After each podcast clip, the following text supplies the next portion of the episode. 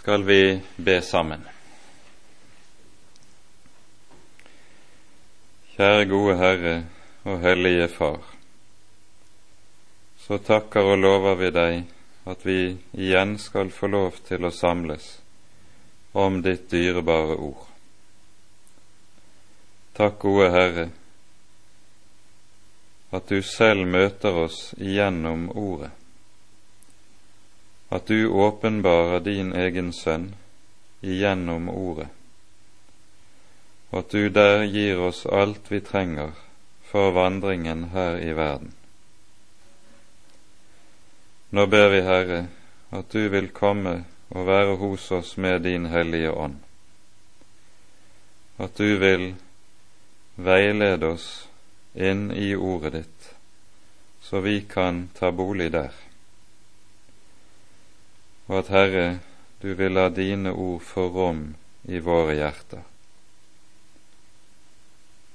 Vår formørkede forstand kan jo ikke sannhet kjenne uten din den gode ånd vil sitt lys i oss opptenne.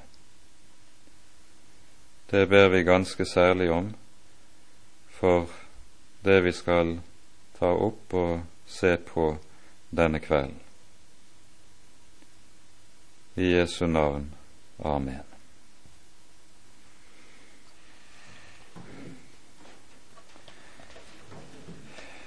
Vi går da altså videre i det femte kapittelet i Efeserbrevet, og vi leser fra vers 21 av og ut kapittelet. Under, underordne dere under hverandre i Kristi frykt. Dere hustruer, underordne dere under deres egne menn, som under Herren for mannen er hustruens hode, like som Kristus er menighetens hode, han som er sitt legemes frelser. Men like som menigheten underordner seg under Kristus, således skal også hustruene underordne seg under sine menn i alle ting. Dere menn, Elsk deres hustruer like som Kristus elsket menigheten og ga seg selv for den, for å hellige den, idet han renset den ved vannbadet i Ordet, for at han selv kunne fremstille menigheten for seg i herlighet, uten plett eller rynke eller noe sådant, men at den kunne være hellig og ulastelig så er mennene skyldige å elske sine hustruer som sine egne legemer. Den som elsker sin hustru, elsker seg selv. Ingen har jo noensinne hatet sitt eget kjød, men han før og varmer det, like som Kristus gjør med menigheten. For vi er Hans legemes lemmer. Derfor skal mannen forlate far og mor og holde seg til sin hustru, og de to skal være ett kjød.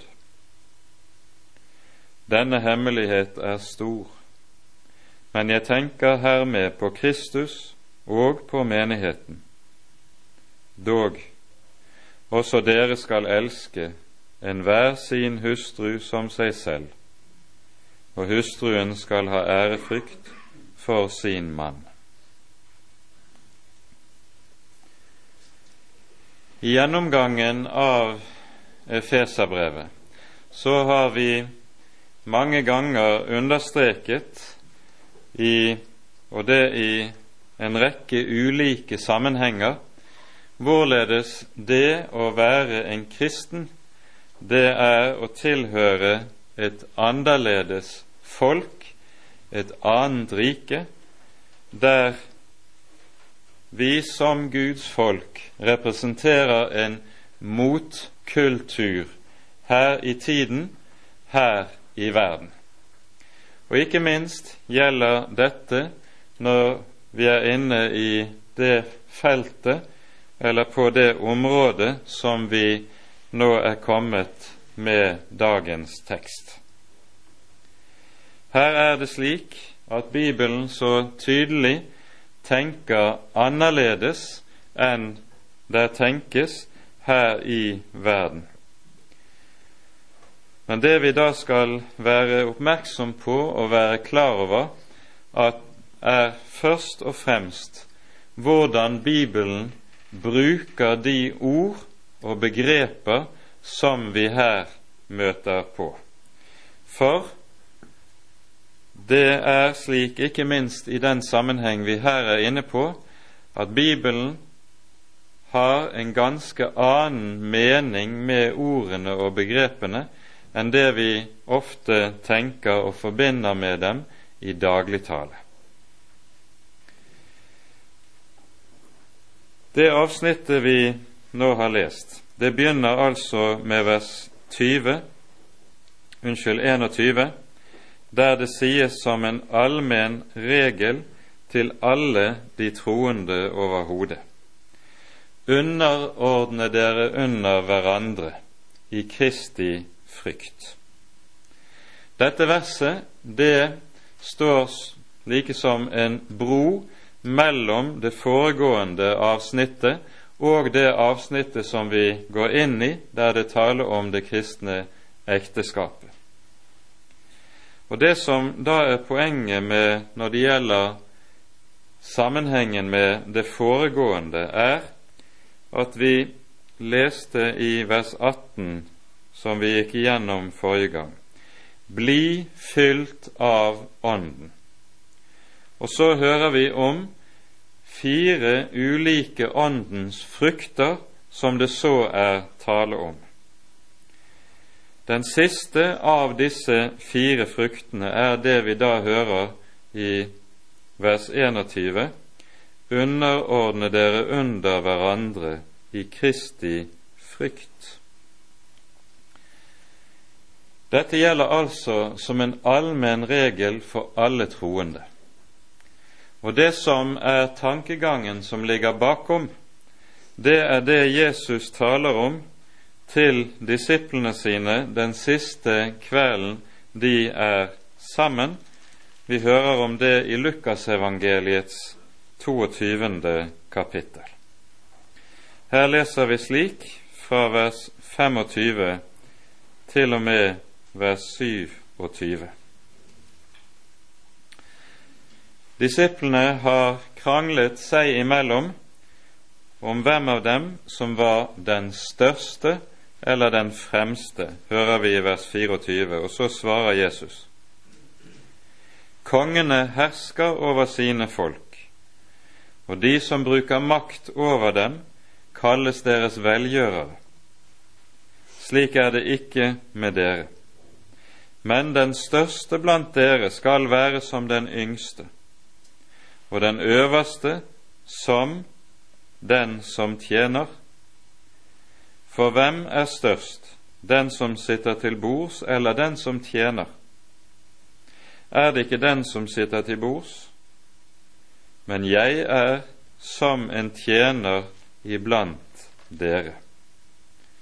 Og så hører vi i Johannesevangeliet hvordan Herren så vasker disiplenes føtter.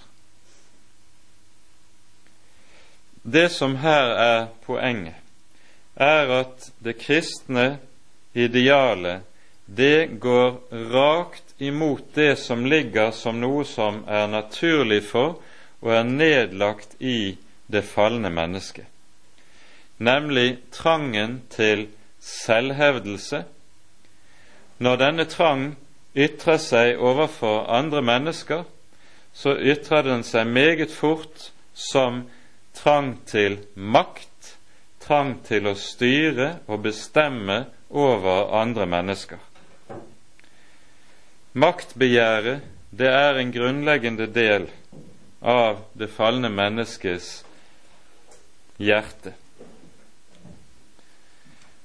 Og det som vi da gjerne vil, det er jo da å råde og herske og styre over andre mennesker men det å tjene, det å stå under det er noe som vi opplever, som det gamle mennesket opplever, som noe som smaker surt, og som det aller helst vil slippe.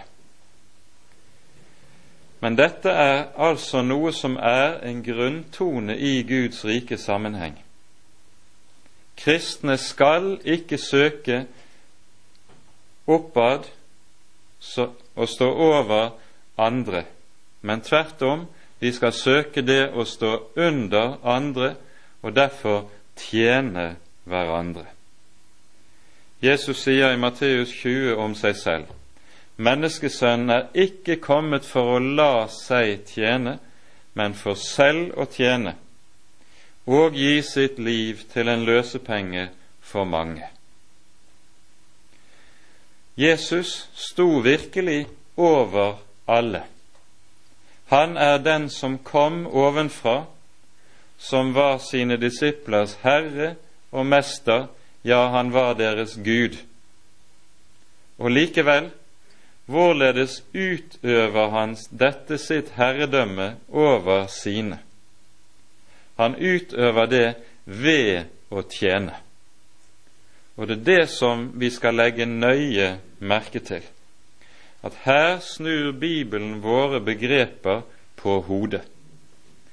I verden handler det altså om det å ha makt, å hevde seg og gjøre seg gjeldende, og kan en i, den, i det løpet også tråkke på andre mennesker, så spiller det slett ikke så mye eller noen særlig rolle. I Guds rike er det altså motsatt. Der handler det om å tjene. Og så vasker Jesus sine disiplers føtter og sier uttrykkelig i den sammenheng Jeg har gitt dere et forbilde. Som jeg har gjort mot dere, skal dere gjøre mot hverandre. Dette innebærer at Og dette har de største konsekvenser for hvordan vi tenker om alt som har med arbeid i Guds rike sammenheng å gjøre. Altfor lett har vi nemlig for å tenke slik at vi overfører det som like som gjelder i verden, på det som gjelder i Guds rike. Det er ikke noe særlig det å ha såkalte små eller tilbaketrukne tjenester i verden. Å være renholdsarbeider eller skopusser, det er ingenting, det. Men i Guds rike tenkes det aldri slik. Der er det å gjøre en ringe tjeneste det aller største. Mens det å stå fremst, det behøver slett ikke å være det som er det største. Derfor er det også slik i Guds rike sammenheng at de som veldig gjerne vil stå fremst, de skal ikke slippe til å få den slags tjenester som det gjelder. De som skal kalles til såkalte viktige gjerninger i Guds rike, det bør være slike som helst vil slippe det. Vi har et eksempel på noe av dette i tredje Johannes brev. Her hører vi om en menighet som apostelen Johannes skriver til, der de har et veldig problem. Johannes skriver slik i det niende verset i sitt tredje brev. Jeg har skrevet noe til menigheten, men Diotrefes, som gjerne vil være førstemann iblant dem, tar ikke imot oss.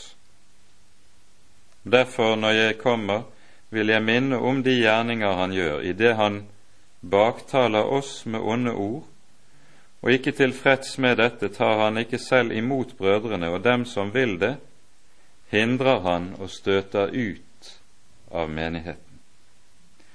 Her hører vi altså om en menighetsleder eller en som har tiltatt seg ledergjerning i menigheten, som sågar utstøter menighetslemmer som ikke vil underlegge seg ham. Den slags maktbegjær har vi dessverre sett meget av oppover gjennom Kirkens historie. Og så er det altså apostelen sier uttrykkelig, som en allmenn regel til alle kristne, underordne dere under hverandre i Kristi frykt. Ikke minst gjelder denne regel for de som er gitt lederansvar i den kristne menighet. Her skal vi minne om det Peter skriver i sitt første brev i det femte kapittel. Her leser vi slik i vers 2 og vers 3.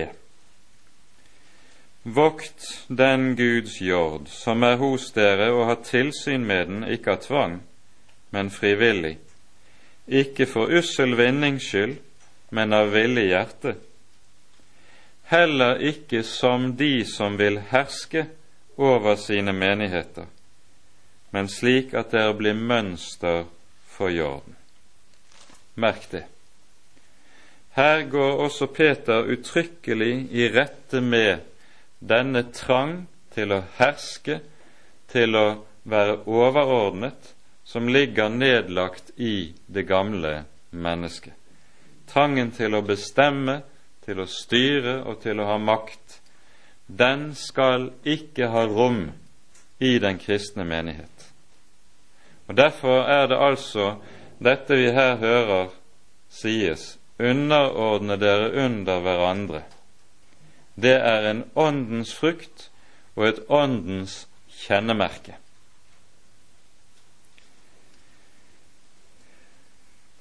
Vi merker oss også et annet uttrykk som er ganske særegent i dette verset. Apostelen taler om Kristi frykt. Ellers i Bibelen er det jo ofte tale om det som kalles Guds frykt, mens her hører vi altså om Kristi frykt. Det er uttrykk for at apostelen med dette setter Kristus i samme klasse, så å si, som Gud selv. For det er Gud alene som skal fryktes. Så når han bruker dette uttrykket Kristi frykt, så sier han altså om Jesus Jesus er Gud. Videre skal vi også notere oss, og dette er en hovedsak i Guds ord, at når et sant og rett gudsforhold skal uttrykkes og settes ord på, så kalles det gjennomgående i Bibelen for å frykte Gud. Vi hører mange steder i Bibelen om denne sak. Og kanskje vi her skulle minne om det som sies hos profeten Malakia i det første kapittelet.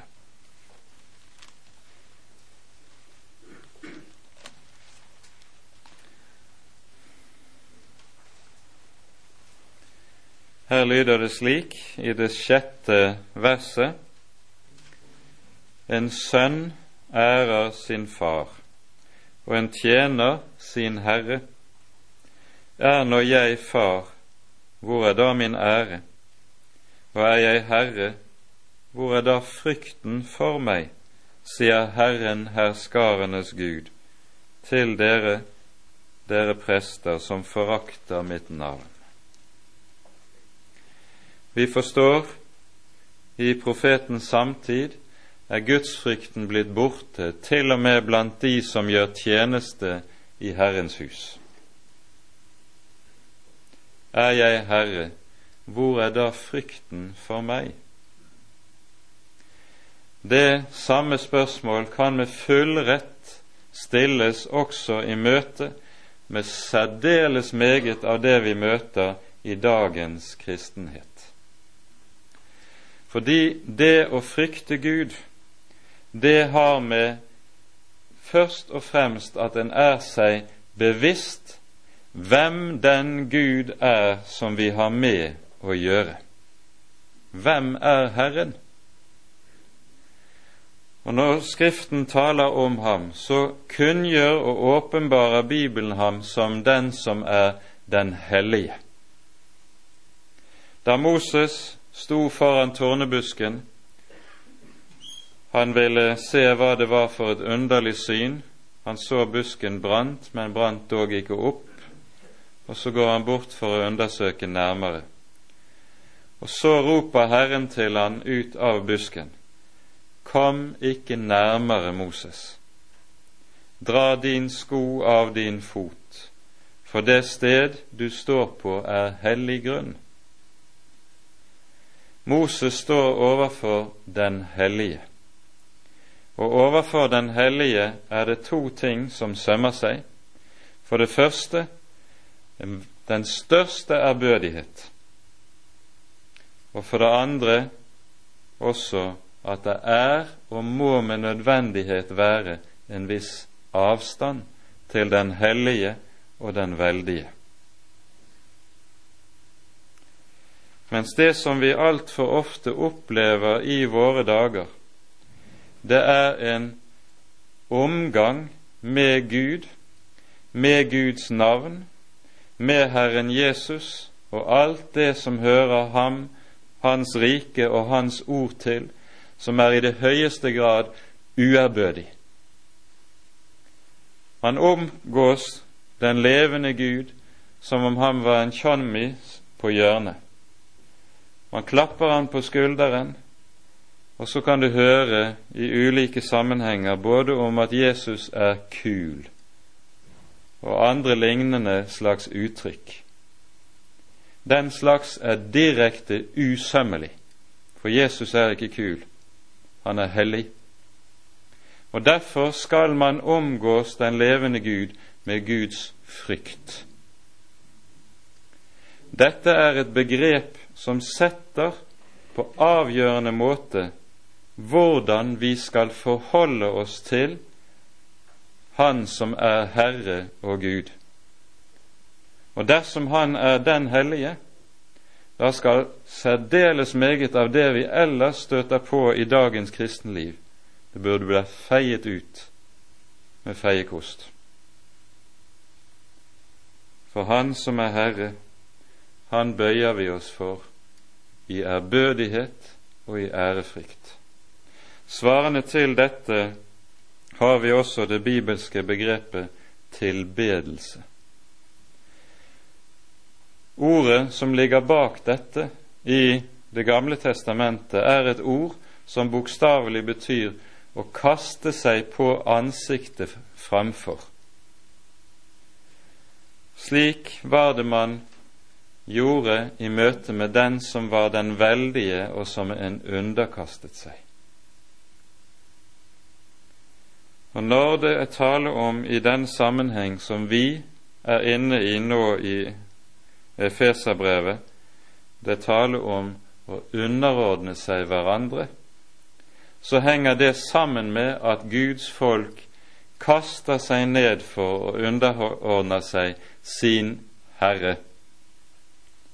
Han skal få lov å være Herre, og så er vi tjenere for hverandre, og vi er små barn der ingen skal styre over andre.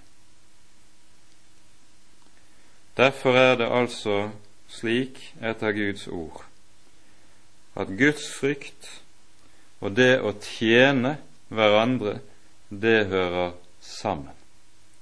Og Her forstår vi også at det Guds ord lærer om disse ting, det går på det skarpeste imot det aller meste av det vi ellers hører og møter i den tid som vi lever i, der alt skal være mest mulig lettvint, der ingenting lenger er hellig.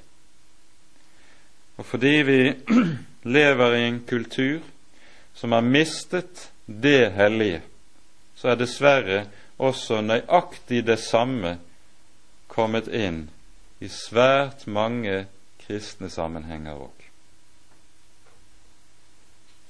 Her bør vi i høy grad besinne oss på og bli oss bevisst Hvem er den Gud som er vår Gud? Han er Israels hellige. Det er hans navn. Og Derfor lyder det også så i et meget klart ord hos profeten Jesaja i det åttende kapittel slik.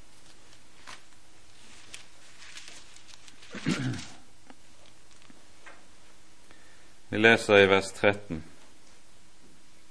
Herren, herskarenes Gud, ham skal dere holde hellig, og han skal være deres frykt, ja, han skal være deres redsel. Slik er det ikke vanlig å omtale den levende Gud i våre dager, men slik taler Bibelen om ham. Og Dersom det ikke får lov til å stå der, så blir alt som har med kristendom å gjøre, billig og trivielt.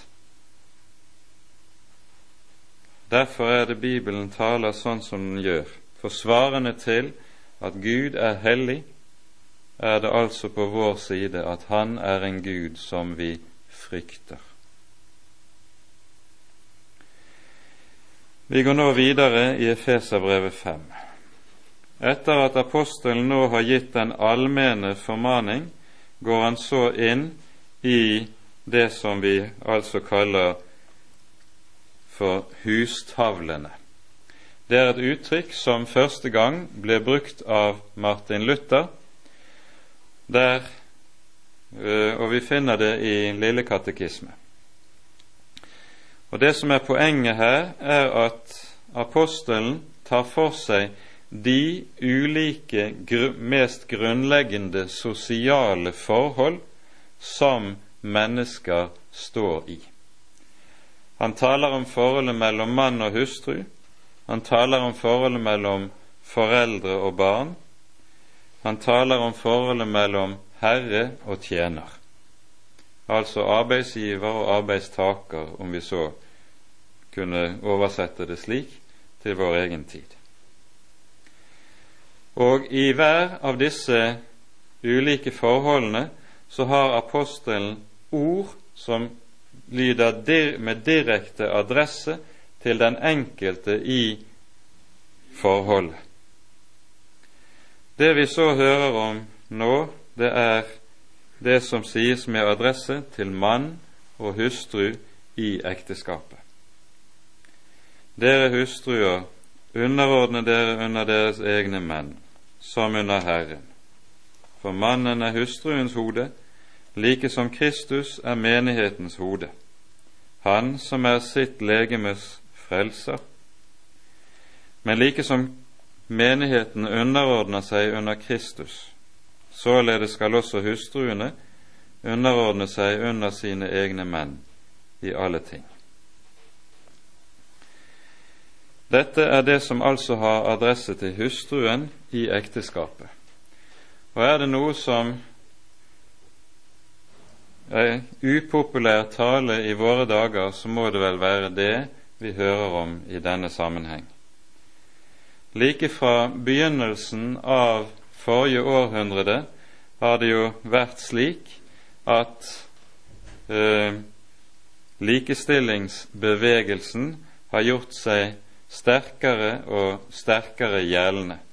Og dette har ført til at den kristne tro og tanke på dette området har kommet mer og mer på retrett. Den teksten som vi i dag har for oss, den var jo tidligere en tekst som ble lest under ekteskapsinngåelse. Vigselsritualet i Den norske kirke og i Den kristne kirke har hatt disse ordene gjennom mange, mange århundrer. Men rundt 1920 ble det borte fra alterboken, fordi dette var altfor vanskelig å svelge. Og Årsaken til at dette er vanskelig å svelge, det er rett og slett at en forbinder det som foregår i denne verden og under denne verdens betingelser, med de begreper som apostelen bruker, og er ikke klar over at her taler apostelen ikke ut fra det som er denne verdens forhold, men ut fra helt, en helt annen kontekst, fra en helt annen sammenheng. For det som her er tankegangen Vi har allerede vært inne på det når vi har talt om at dette er noe som alle kristne skal gjøre overfor hverandre. Alle troende skal underordne seg under hverandre. Og slik er det ikke fordi det å underordne seg er noe som fører til eller har med mindreverd å gjøre. Det er det ikke. Ellers kunne det ikke stått om Kristus at han underordnet seg under Faderen. For Skriften sier jo meget tydelig at Faderen og Sønnen er ett. Og like som alle ærer Faderen, så skal også alle ære Sønnen. Det å underordne seg er ikke noe som er mindreverd. Og det vi da skal være klar over, det er at det er en grunnleggende forskjell på det som heter likestilling og likeverd.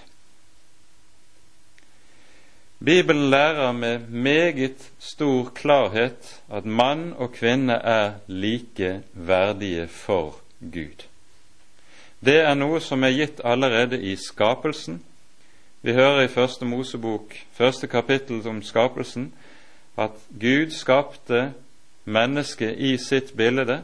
I sin lignelse skapte han det. Til mann og kvinne skapte han dem. Og da er det åpenbart, slik det står, at både mann og kvinne er i Guds bilde og som sådan likeverdige. Og Når vi hører i kapittel 2 i Første Mosebok hvordan konkret skapelsen av de to foregikk, så sier Gud uttrykkelig i forbindelse med skapelsen av kvinnen at han vil gjøre Adam en kvinne som skal være hans medhjelp og hans like. Det sies altså uttrykkelig at når kvinnen skapes, så er hun også hans like. Dette understrekes på samme måte i Galaterbrevet i det tredje kapittel, der vi hører det står slik,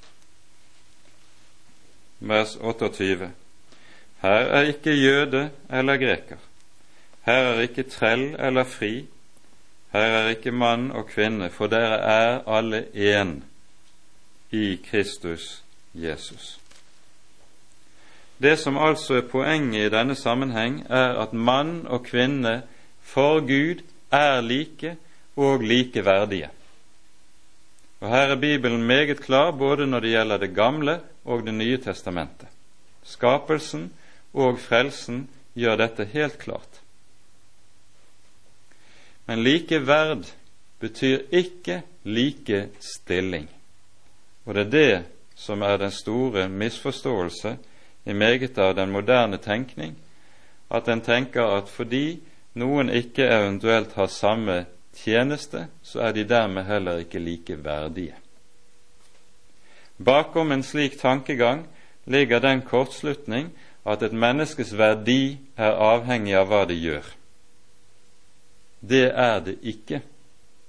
I tilfelle ville de som er handikappede, ha mindre menneskeverd, f.eks., enn de som er fullt, i fullt arbeid. Gamle som ikke lenger er i stand til å yte noe, vil være mindre verd enn de som er i sin fulle kraft og kan være fullt ut yrkesaktive. Nei, menneskeverdet er ikke knyttet til hva mennesket gjør men til hva det er skapt til av Gud.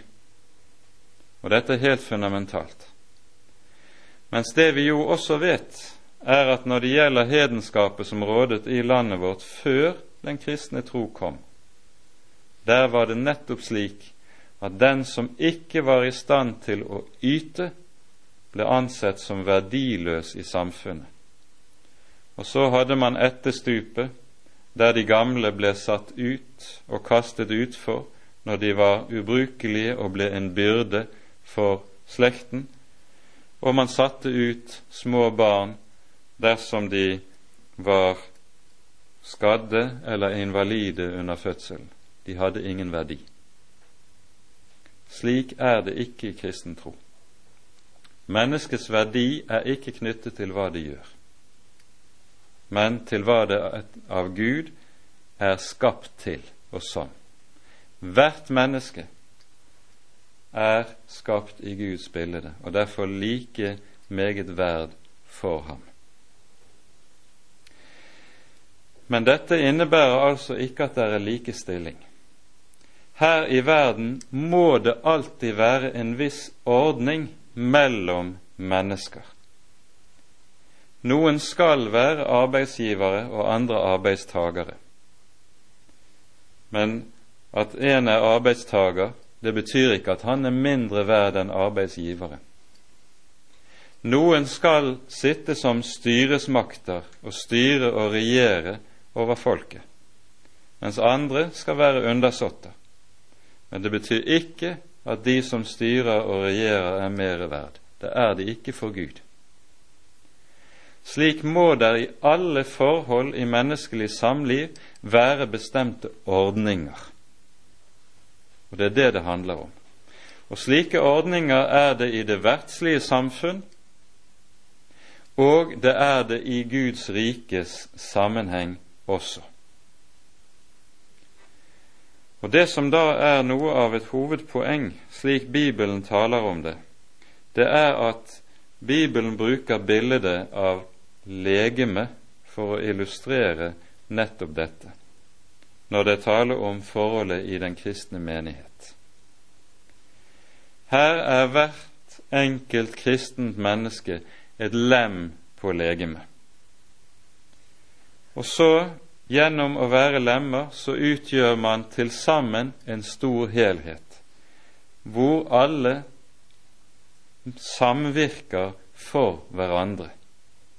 Det er jo slik at hånden, den tjener helheten. Foten tjener også helheten. Hvert enkelt lem innordner seg og underordner seg helheten, slik at alt kan fungere til det beste for helheten. Dette bildet av legeme bruker jo Paulus flere steder i Det nye testamentet, og det er dette som gjelder for den kristne menighet.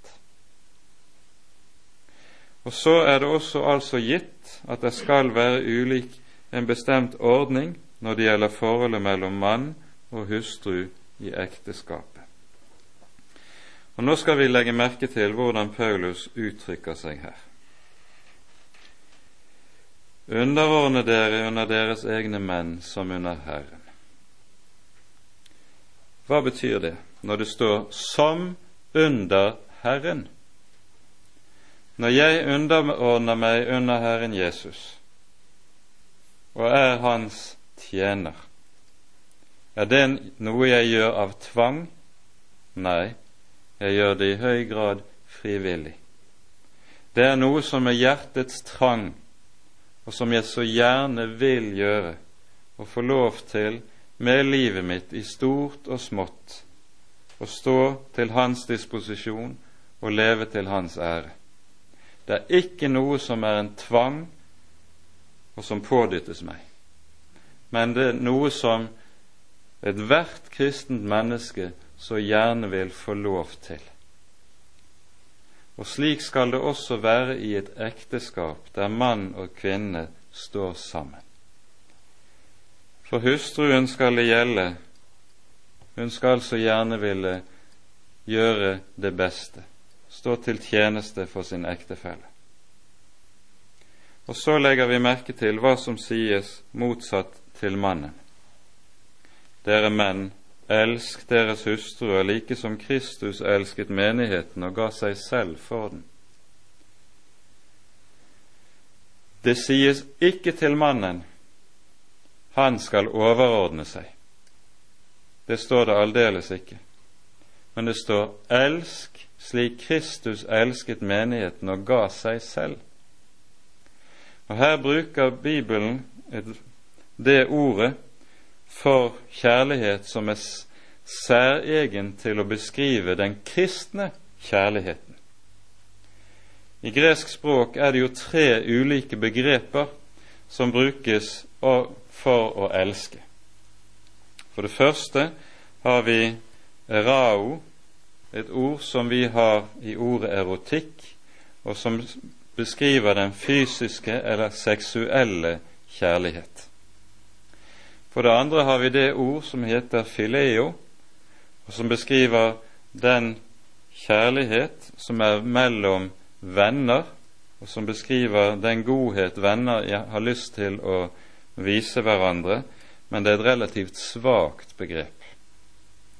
Så har vi det siste ordet, som er agapao, eller agape, som brukes om den kristne kjærlighet. Det er fri for det nytelsesperspektivet som ordet som har med eros å gjøre, har. Det er et ord som beskriver kjærligheten som offer. For sann kjærlighet, den vil alltid være villig til å ofre seg selv. Og dersom den ikke er villig til det, så er det ikke sann kjærlighet. Hvordan elsket Kristus menigheten? Han elsket den nettopp ved det at han ga seg selv for den. Og nå skjønner vi at her er det ikke tale om at når det sies til kvinnen 'underordne deg', at mannen skal få anledning til å få utløp for herskesyke og maktbegjær. Tvert om. Det står et enda sterkere ord til mannen enn det står til kvinnen. For hva ga Kristus? Han ga seg selv. Han ga alt. Og dersom mannen tar denne formaning til seg på alvor, da blir det fint lite anledning til maktbegjær og maktbrynde, og til å utnytte sin stilling i ekteskapet. Dette er uhyre viktig å være klar over Bibelens språkbruk. Og Det som da er tankegangen her, når apostelen taler som han gjør, det er jo at her taler han om det kristne ekteskapet. For det skjedde jo noe med ekteskapet i og med syndefallet. Herren skapte Adam og Eva for hverandre, og vi vet og skjønner at i paradiset var dette noe som også var godt som kom under det som står at det var såre godt. Men så kommer fallet, og det ødelegger også noe av det grunnleggende i samlivet mellom mann og kvinne. Den gjensidige kjærlighet som vi her har pekt på som skal råde, den erstattes av maktkamp. Og altfor ofte blir ekteskap mellom mann og kvinne nettopp dette, en maktkamp der en kjemper om hvem som skal styre og bestemme. Og så blir det gjerne den sterkeste som løper av med seieren. Og da handler det ikke bare om fysisk styrke, men også eventuelt om den som er psykisk sterk nok. Når apostelen taler som han her gjør om det kristne ekteskapet, så er det nettopp for å bryte denne onde sirkel av maktkamp som altfor alt lett kommer til å råde i forholdet mellom mann og kvinne. Det som skal råde, er ikke trangen til at jeg skal stå øverst og styre, men underordne dere under hverandre i Kristi frykt. Elsk deres hustruer slik Kristus elsket menigheten og ga seg selv for den. Da blir det ikke mye igjen, verken av maktbrynde eller selvhevdelse. Dette er tankegangen slik vi finner det i Det nye testamentet. Og så skal vi merke oss at det som dermed sies, det er at Paulus kommer med først formaning til hustru, så til ektemann, og på begge områder handler det da om at han taler om hva som er de respektive parters plikt. Det skal du gjøre. Han taler ikke om og gir ikke noen rettigheter eller privilegier til noen. Han sier til den ene 'du skal gjøre så', og til den andre 'du skal gjøre så'. Og Dermed ser vi også et annet trekk som er uhyre viktig i Det nye testamentet, i motsetning til det som er vanlig i vår egen kultur. For det som er altfor vanlig i den kultur vi lever i, er at menneskene tenker på og pukker på sin rett. Mens det Bibelen er opptatt av og stadig peker på, det er vår plikt. Og Det gjelder ikke bare i forholdet mellom mann og hustru. Dette skal du gjøre, og det er din skyldighet. Men det gjelder i forholdet mellom foreldre og barn, og det gjelder i forholdet mellom arbeidsgiver og arbeidstaker. I dag er det altfor meget av at man taler om sine rettigheter, men vil ikke tale om hvilke plikter en har i noen av disse forholdene. Og så blir det egoismen og eventuelt selvmedlidenheten dersom en ikke får det sånn som en vil, som overtar styringen. Bibelen taler altså ganske annerledes. Og her er det grunn til å understreke at der hvor det tales mer om hva som er min rett enn hva som er min plikt, der er det alltid fare på ferde.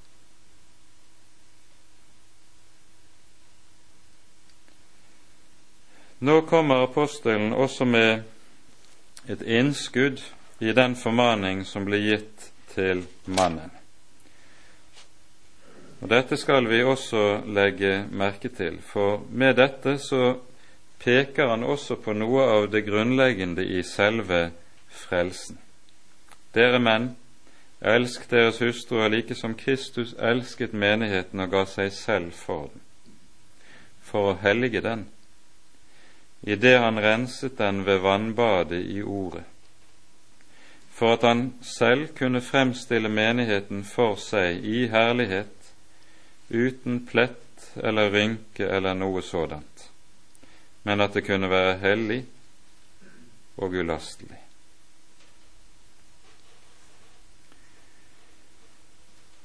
Her tales det om Kristi gjerning, som er en gjerning der han helliger.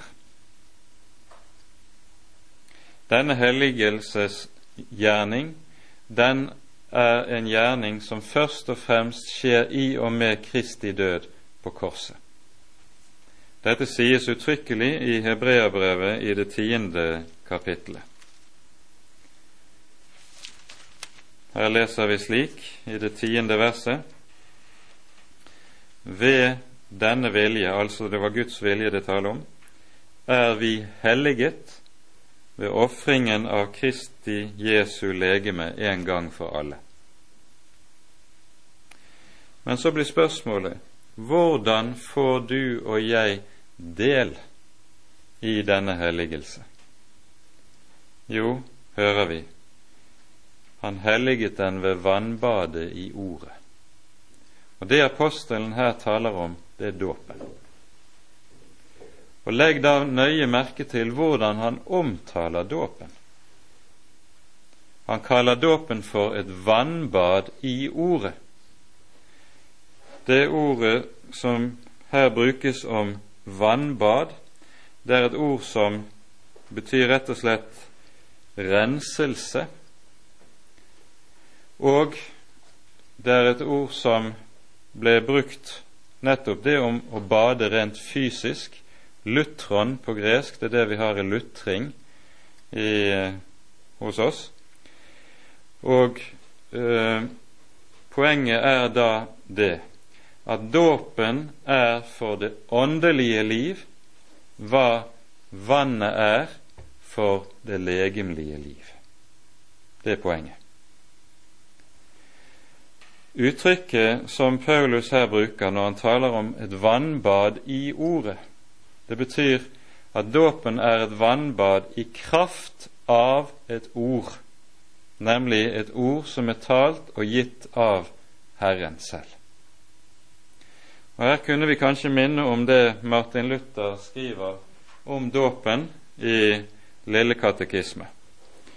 For etter først å ha talt om hva hvilke store ting vi får i dåpen, syndenes forlatelse, renselse, helligelse og alle frelsens gaver, så stiller han spørsmålet hvordan kan vann gjøre så store ting?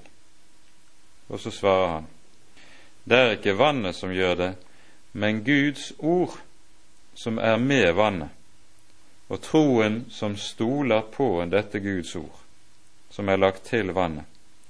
For uten Guds ord er vannet bare vann og ingen dåp. Men sammen med Guds ord er det dåp, et nåderikt livets vann og et bad til en ny fødsel i Den hellige ånd. Dåpen er et vannbad i ordet. Et vannbad i kraft av et ord kan det også oversettes. Og Det lærer oss og peker på for oss hvilken stor gave det er Gud gir oss i og med Den hellige dåp. At dette brukes i denne sammenheng hvor det taler om ekteskapet, det skal ikke undre oss, for vi hører så i neste verset for at han kunne fremstille menigheten for seg. Her brukes det nemlig et uttrykk fra hebraisk språk som ble brukt i forbindelse med ekteskapsinngåelse. Det som da skjedde, var nemlig at det var en som var såkalt brudefører. Vi hører i eh, Johannesevangeliet at døperen kaller seg selv for brudgommens venn.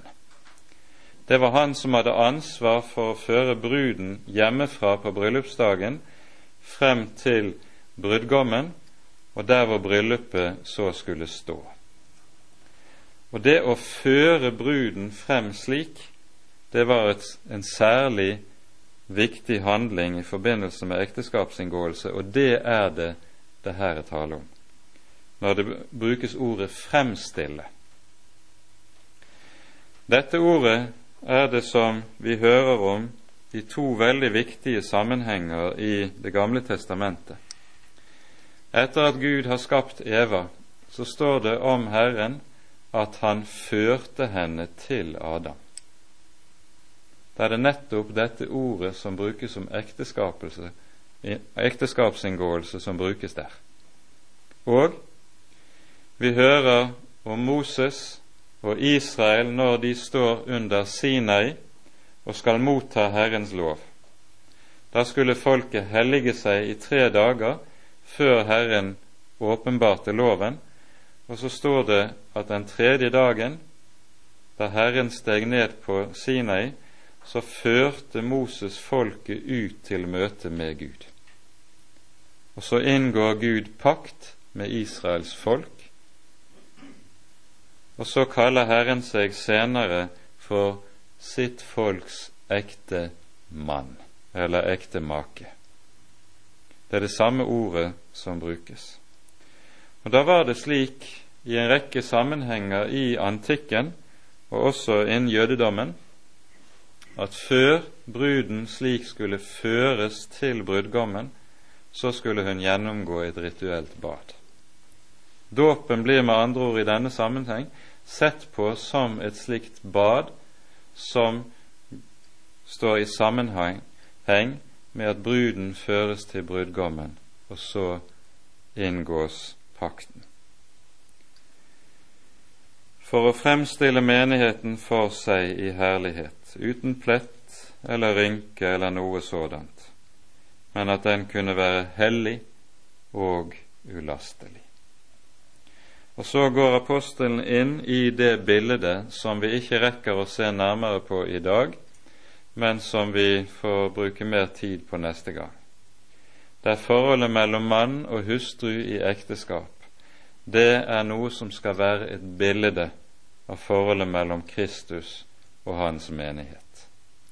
Og som apostelen da omtaler i vers 32, når det står 'denne hemmelighet er stor'. I grunnteksten står det 'dette mysterium er stort'. Og da er det mysteriet som har med forholdet mellom Kristus og hans menighet det taler om. Det vi her hører om, og som Paulus så sier i vers 27, at, han, at menigheten skulle fremstilles slik, hellig og ulastelig, det er en gjenklang av flere viktige steder i Det gamle testamentet. Først og fremst fra Salme 45, der vi hører brudgommen si om den brud som er blitt ført til ham. Salme 45 vers 14. Såre herlig er kongedatteren der inne. Hennes kledning er gjennomvirket med gull. Og Går du så inn i Salomos høysang, så finner du akkurat den samme billedbruken, bare langt mer utbrodert. En kan med full rett si det slik at Salomos høysang det er en utleggelse av den 45. salmen. Men det rekker vi altså ikke å komme inn på i denne sammenheng. Så meget får være sagt i denne sammenheng. Når Skriften taler som den gjør om forholdet mellom mann og hustru i ekteskap, så henger det sammen med noe av det grunnleggende mysterium i skapelsen. I Guds bilde skapte han det, etter Guds lignelse skapte han det, til mann og kvinne skapte han dem. Og vi forstår at det som dermed sies om mann og kvinne sammen i ekteskapet, er at det forholdet mellom de to er Guds bilde. Og Da er vi inne i det store mysterium som vi så får se nærmere på neste gang. Med dette får vi sette punktum for i dag. Ære være Faderen og Sønnen og Den hellige ånd, som var og er og være skal, en sann Gud, høylovet i evighet. Amen.